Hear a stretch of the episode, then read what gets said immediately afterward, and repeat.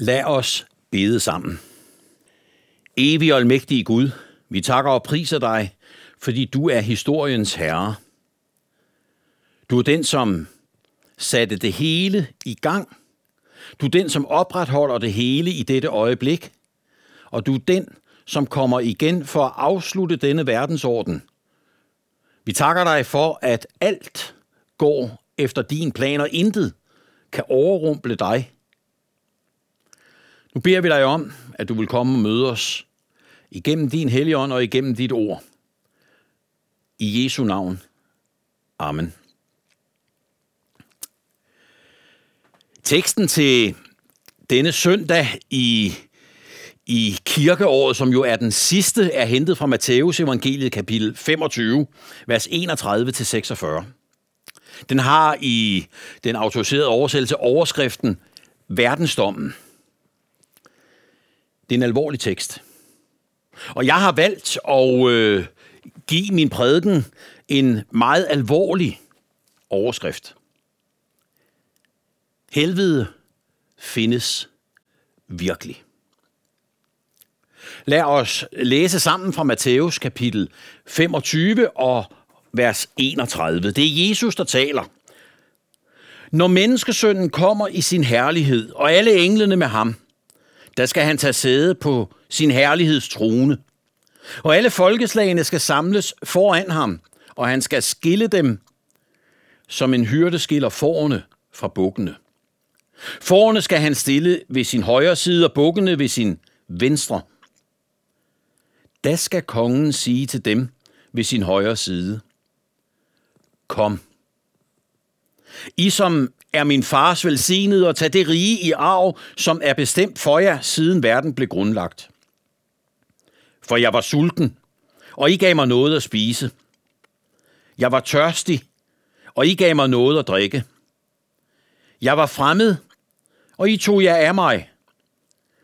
Jeg var nøgen, og I gav mig tøj.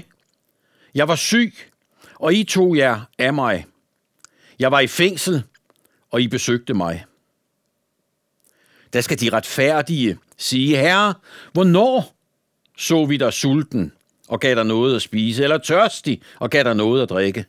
Hvornår så vi dig som en fremmed og tog imod dig, eller så dig nøgen og gav dig tøj? Hvornår så vi dig syg eller i fængsel og besøgte dig? Og kongen vil svare dem, Sandelig siger jeg jer, alt hvad I har gjort imod en at disse mine mindste brødre, har I gjort imod mig. Der skal han også sige til dem ved sin venstre side, Gå bort fra mig, I forbandede, til den evige ild, som er bestemt for djævelen og hans engle. For jeg var sulten, og I gav mig ikke noget at spise. Jeg var tørstig, og I gav mig ikke noget at drikke.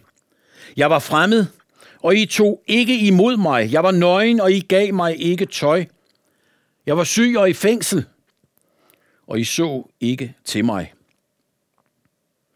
Da skal også de sige til ham, Herre, hvornår så vi dig sulten, eller tørstig, eller fremmed, eller nøgen, eller syg, eller i fængsel, uden at vi hjalp dig? Da skal han svare dem, Sandelig siger jeg jer, alt hvad I ikke har gjort mod en af disse mindste, har I heller ikke gjort imod mig. Og de skal gå bort til evig straf, men de retfærdige til evigt liv. Amen. Når menneskesønnen kommer, sådan begynder dagens tekst.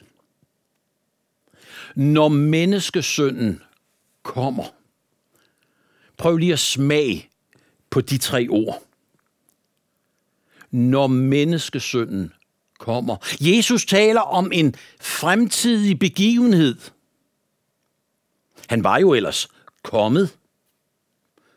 Han var jo kommet til jord i Israels folk, født i Bethlehem, levede der. Og så taler han alligevel om, når menneskesønnen kommer.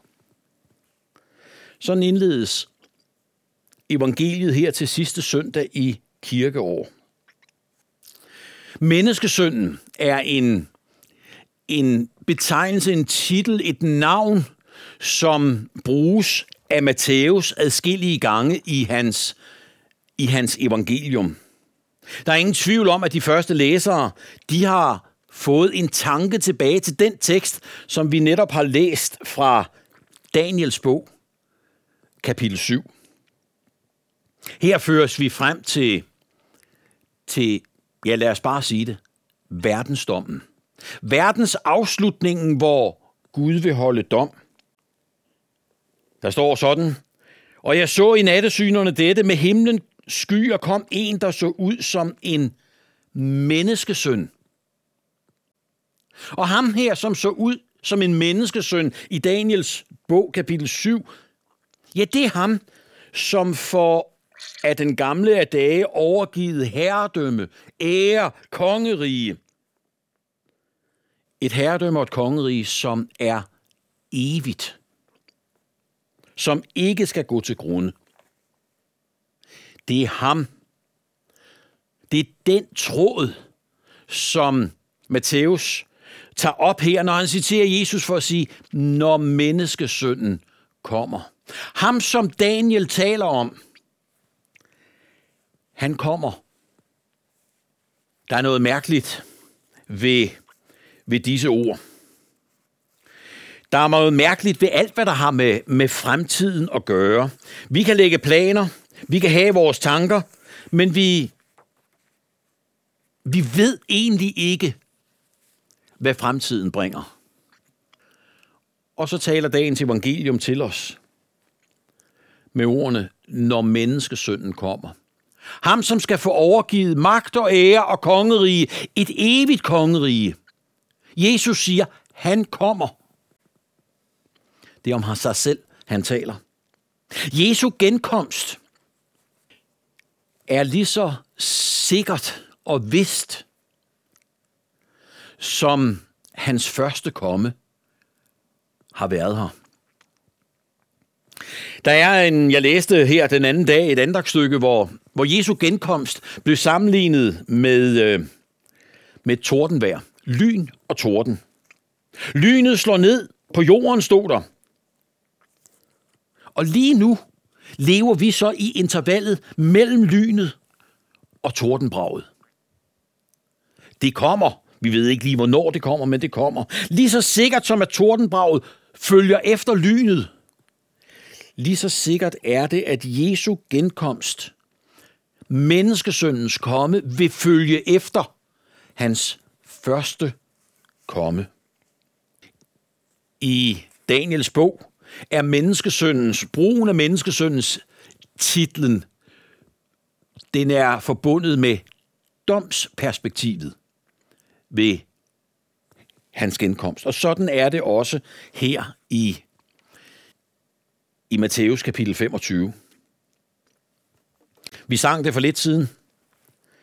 Om han kom nu i dag, menneskesønnen. Vi er i slutningen af november 23. Når Jesus åbner dagens tekst med ordene, når menneskesønnen kommer, så må vi forstå, at der kommer en dag, som kan placeres i historien, i en kalender, hvor han som på, på samme måde, som han kom til Israels folk, da han blev født i Bethlehem, sådan vil han komme igen, altså træde ud af den usynlige himmelske verden og ind i vores verden. Om han kom nu i dag. Smag lidt på ordene, når menneskesønnen kommer. Hvad skal der ske, når menneskesønnen kommer. Ja, det, det er noget af det, som vi så bliver konfronteret med her i, i teksten. Der bruges et billede om nogle får og nogle bukke. De skal splittes op. De var en flok, men de bliver til to flokke. Og så er der to budskaber. Et budskab til den ene flok, og et andet til den anden flok. Det er tydeligt, at, at forerne og bukkene er udtryk for menneskeheden, samlet set til alle tider. Der går et skæld lige tværs ned imellem. Og til den ene skal han sige, kom, altså menneskesynden. Og til den anden vil han sige, gå bort. Kom, vers 34, I som er min fars velsignede, og tag det rige i arv, som er, som min far, som er bestemt for jer, siden verden blev grundlagt. Og til de andre, gå bort fra mig, I forbandet til den evige ild, som er bestemt for djævelen og hans engle. Når menneskesønnen kommer, der ligger en dag og venter ude i fremtiden, hvor menneskesønnen, Jesus Kristus, Gud selv, vil træde ud af den usynlige himmelske verden og ind i denne verden. Og på den dag, så vil der blive et synligt skæld ned igennem menneskeheden til alle tider. To budskaber. Et, der hedder kom, og et, der hedder gå bort fra mig. Og det hele summeres op. At de sidste, de skal gå bort til evig straf, vers 46, men de retfærdige til evigt liv. Temaet, som vi har her i slutningen af kapitel 25, er det, som, som fylder i hele kapitel 25. Kapitel 25 er egentlig det et lille kapitel, man kan dele op i tre dele. Først har vi lignelsen om, om de ti, de ti brudepiger i vers 1-13.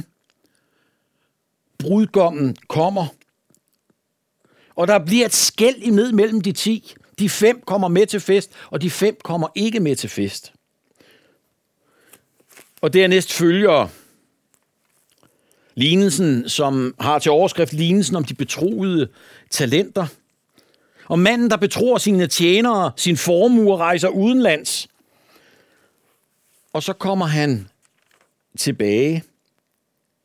Og for nogle af dem gælder det, at de bliver inviteres ind til sin herres glæde. Og for en af dem gælder det, at han får budskabet, du dårlige og dogne tjener. Han kritiseres for ikke at have forvaltet det, han fik betroet. Og så står der, vers 30, og kast den udulige tjener ud i mørket udenfor. Der skal der være gråd og tænder skærne. Og så kommer den tekst, vi har for os. Når menneskesønnen kommer, så går der et skæld ned igennem verdens befolkning. Til alle tider. Han kommer. De tre lignelser har samme point. Bibelen beskriver samlet set afslutningen, verdens afslutning, når menneskesønnen kom, som en serie af begivenheder. Som et forløb, som forventeligt vil strække sig, som jeg ser det, over en længere årrække, helt parallelt med, med Jesu første komme. Andre gange, når vi læser om det i Bibelen, er det ligesom om, at det trækkes sammen øh, forløbet så vi kun får essensen i koncentreret form, så man kunne næsten forstå, at det er noget, der sker på en formiddag. Men sådan er det i øvrigt også, når vi læser Jesu første komme i lyset af det profetiske ord. Jeg vil nævne tre ting om Jesu komme her, når menneskesønnen kommer. For det første, vers 31. Han vil sætte sig på sin herligheds trone. Fuldstændig som profeten Daniel allerede profeterede det mange, mange hundrede år tidligere. Hans herredømme er et evigt herredømme. Det skal ikke forgå. Der blev givet ham et kongerige og ære. Når menneskesønnen kommer, så kommer han som kongen. Den almægtige. Ham, som har al ære og magt de der rige, magten og æren lærte han os og bede i fader vor. Den dag, om ikke før, skal vi se det. Det andet, jeg vil nævne, vers 32, det er udtrykket, alle folkeslagene skal samles foran ham. Dette bliver en begivenhed af både geografiske og historiske dimensioner. Alle folkeslagene skal samles foran ham. En gigantisk åben plads må der være. Det bryder selvfølgelig med alt, hvad vi umiddelbart forstår, men det vi i hvert fald skal tage med, det er, at vi er der alle sammen. Det er en global begivenhed, som vi alle sammen inddrages i, om vi ved det eller ej. Du kan ikke melde afbud. Når menneskesønnen kommer, så skal vi møde ham, og du kan ikke melde afbud. For der står, og alle folkeslagene skal samles foran ham. Og det er så her i lignelsen jo altså for at blive delt i to. Nogen til højre og nogen til venstre. Tre ting. For det første, han vil sætte sig på sin herligheds trone. Han har al magt i himmel og på jord. Og vi skal se det. Vi vil alle sammen blive inddraget i det, for det gælder alle folkeslagene. Og så for det tredje. Han kommer for at holde dom.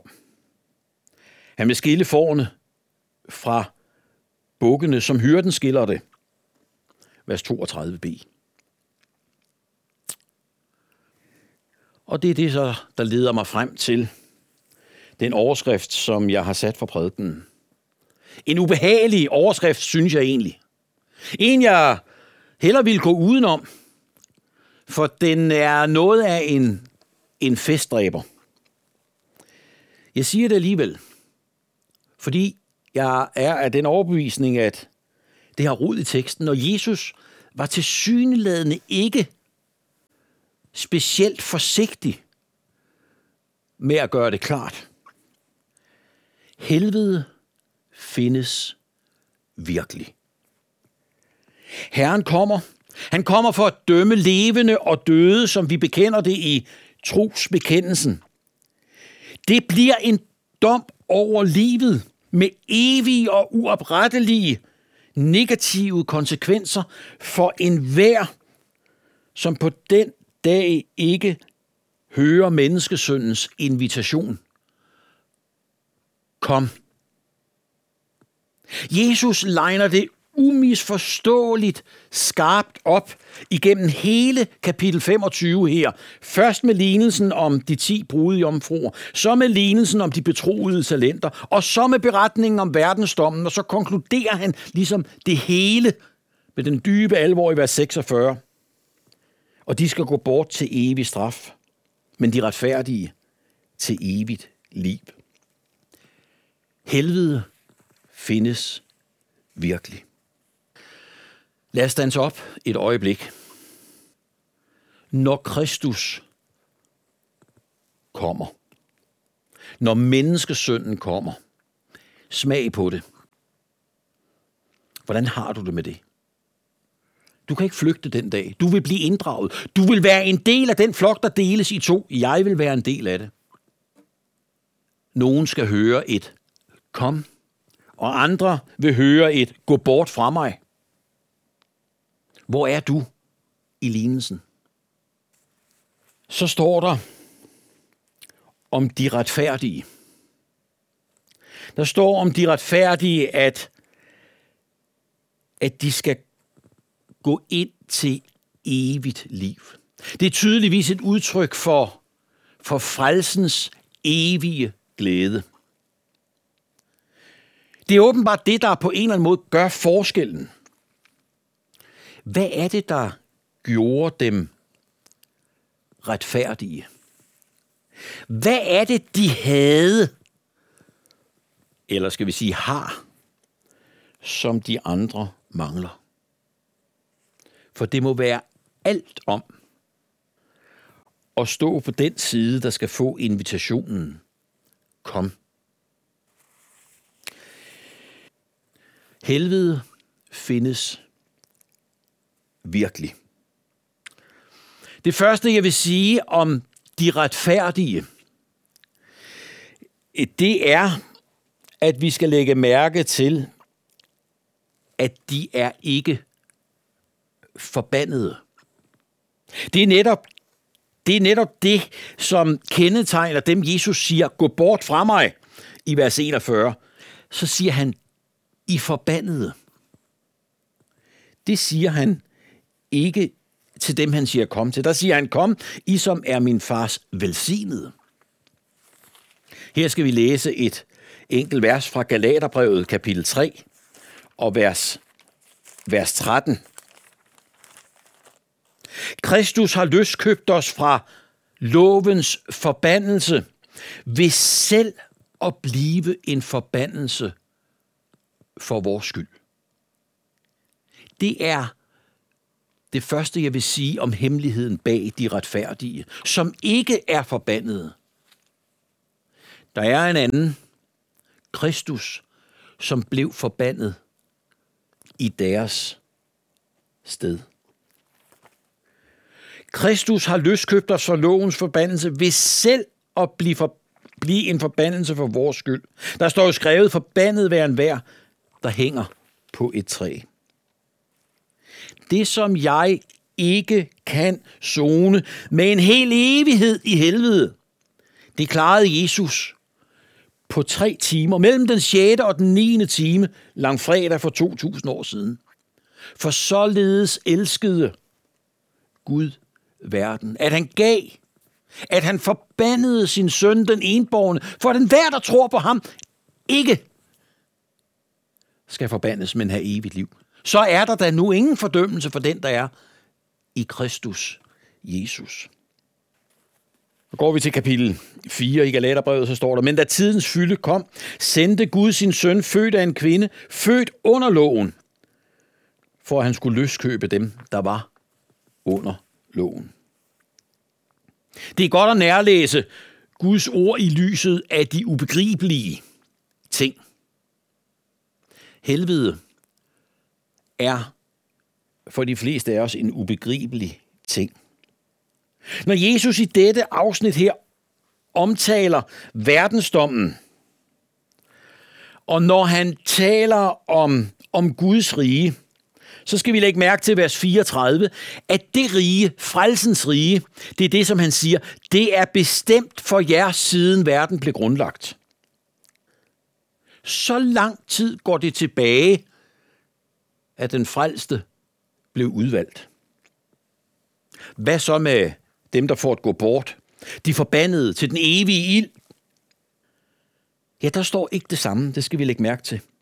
Der står ikke, gå bort fra mig, I forbandede, til den evige ild, som I har været bestemt til, siden verden blev grundlagt. Nej, der står, som er bestemt for djævelen og hans engle. Og så tilføjer jeg, alene.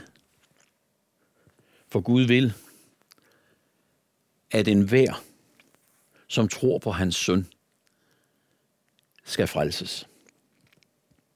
Før verden blev skabt, lagde Gud planer om, at mennesket skulle leve sammen med ham i evigheden. Der er ingen, der er afskåret fra frelsen. Alle er indbefattet i Guds forberedelser til det evige liv på den nye jord. Herren er ikke sen til at opfylde sit løfte, siger Peter, som nogle mener, men han har tålmodighed med jer, fordi han vil, at ingen skal gå fortabt, men alle skal nå til omvendelse. 2. Peter 3, 9 i vores bestræbelser på at gøre Gud forståelig og acceptabel for både os selv og de mennesker, vi færdes iblandt, står vi i fare for at gøre ham til en anden Gud, end han er. Vi står i fare for at fortige centrale sider af det bibelske budskab. Det gælder Guds retfærdige vrede og dom med det deraf følgende helvede. Mange tror, det er løgn. Terrorangrebet den 7. oktober, er det ikke helvede på jord? Jo, men det er ikke den evige ild, som Jesus taler om her. Uskyldige ofre for krigens redsler i såvel Gaza som Ukraine, er det ikke helvede på jord? Jo, det er det. Og vi skal ikke tale småt eller ufølsomt på nogen måde om den smerte, men det er ikke det er ikke helvede. Det er ikke evig straf, borte fra menneskesynden. Helvede findes virkelig. Hvorfor er læren om helvede vigtig del af den kristne tro? Lad mig her øh, til sidst nævne et par enkelte ting. For det første, fordi Jesus taler mere om det end nogen anden. Jeg er ikke kommet for at opsøge, jeg er kommet for at opsøge frelse det fortabte, sagde han.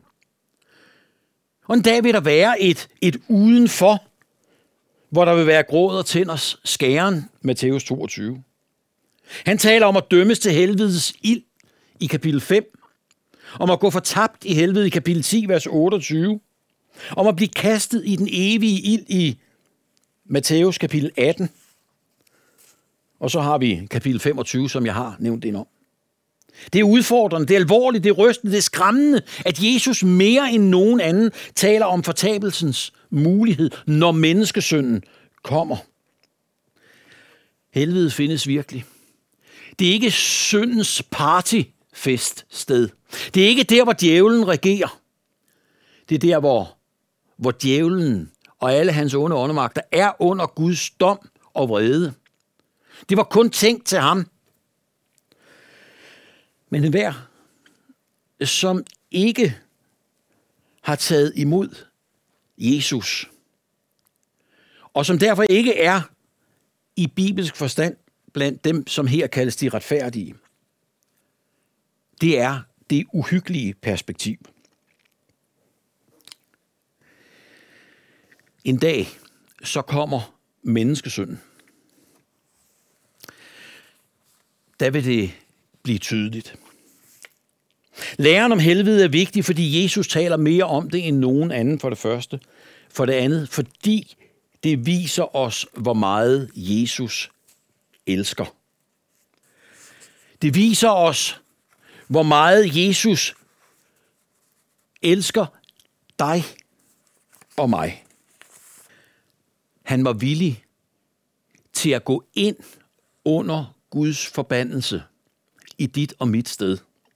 Han var villig til at smage helvede. Det, som jeg fortjente, det, som du fortjente. For således elskede Gud verden, at den hver, som tror på ham, ikke skal fortabes, men have et evigt liv. Hvad er det, der kendetegner de retfærdige? Hvad er det, som, som gør dem til dem, der står på den, den højre side? Dem, som skal høre et, et kom. Ja, umiddelbart kan man få det indtryk, at de havde gjort sig fortjent til det.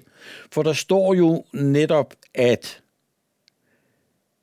I gav mig, I gav mig, I tog imod mig, I gav mig, I besøgte mig.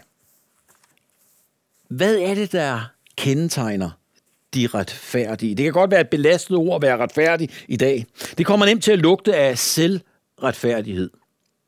Men Jesus kalder her i teksten to gange de frelste for de retfærdige, vers 37 og vers 46. Og dermed henviser han til noget, der er gået forud for deres barmhjertighed mod Jesu mindste brødre.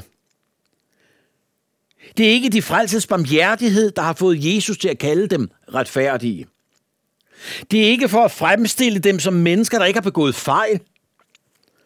Det, der berettiger dem til at blive kaldt retfærdige, det er deres tro på Jesus. Fordi de ved troen på Jesus har fået del i Jesu retfærdighed, som han vandt til ved sin død og opstandelse. Når menneskesynden kommer, så kommer der et for sent ind over hele universet, over et hvert menneskeliv. Men sådan er det ikke i dag. I dag lyder indbydelsen fra Jesus selv, kom til mig. Og den, der kommer til mig, vil jeg aldrig vise bort. Lad os nu komme til ham ved at bede sammen. Og så kommer vi til dig, Herre, mægtige, evige Gud. Vi kommer som fattige, hjælpeløse syndere i os selv. der ikke fortjener din barmhjertighed. Men her vi beder dig om, at du vil handle med os, ikke efter vores sønder, men efter din barmhjertighed. Vi minder dig om, at du gjorde Jesus til en forbandelse for vores skyld. Og du forbander jo ikke to gange for den samme synd. Vi takker dig, fordi du har al magt i himmel og på jord. Du har styr på verdenshistorien lige netop nu. Og så beder vi dig om, at den retfærdighed, du har givet os, må sætte sig spor i vores liv.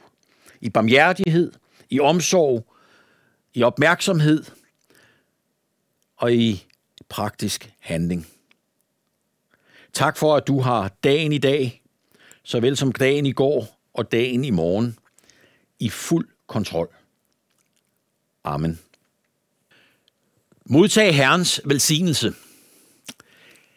Herren velsigne dig og bevare dig. Herren lad sit ansigt lyse over dig og være dig nådig. Herren løfte sit ansigt mod dig og give dig fred. Amen.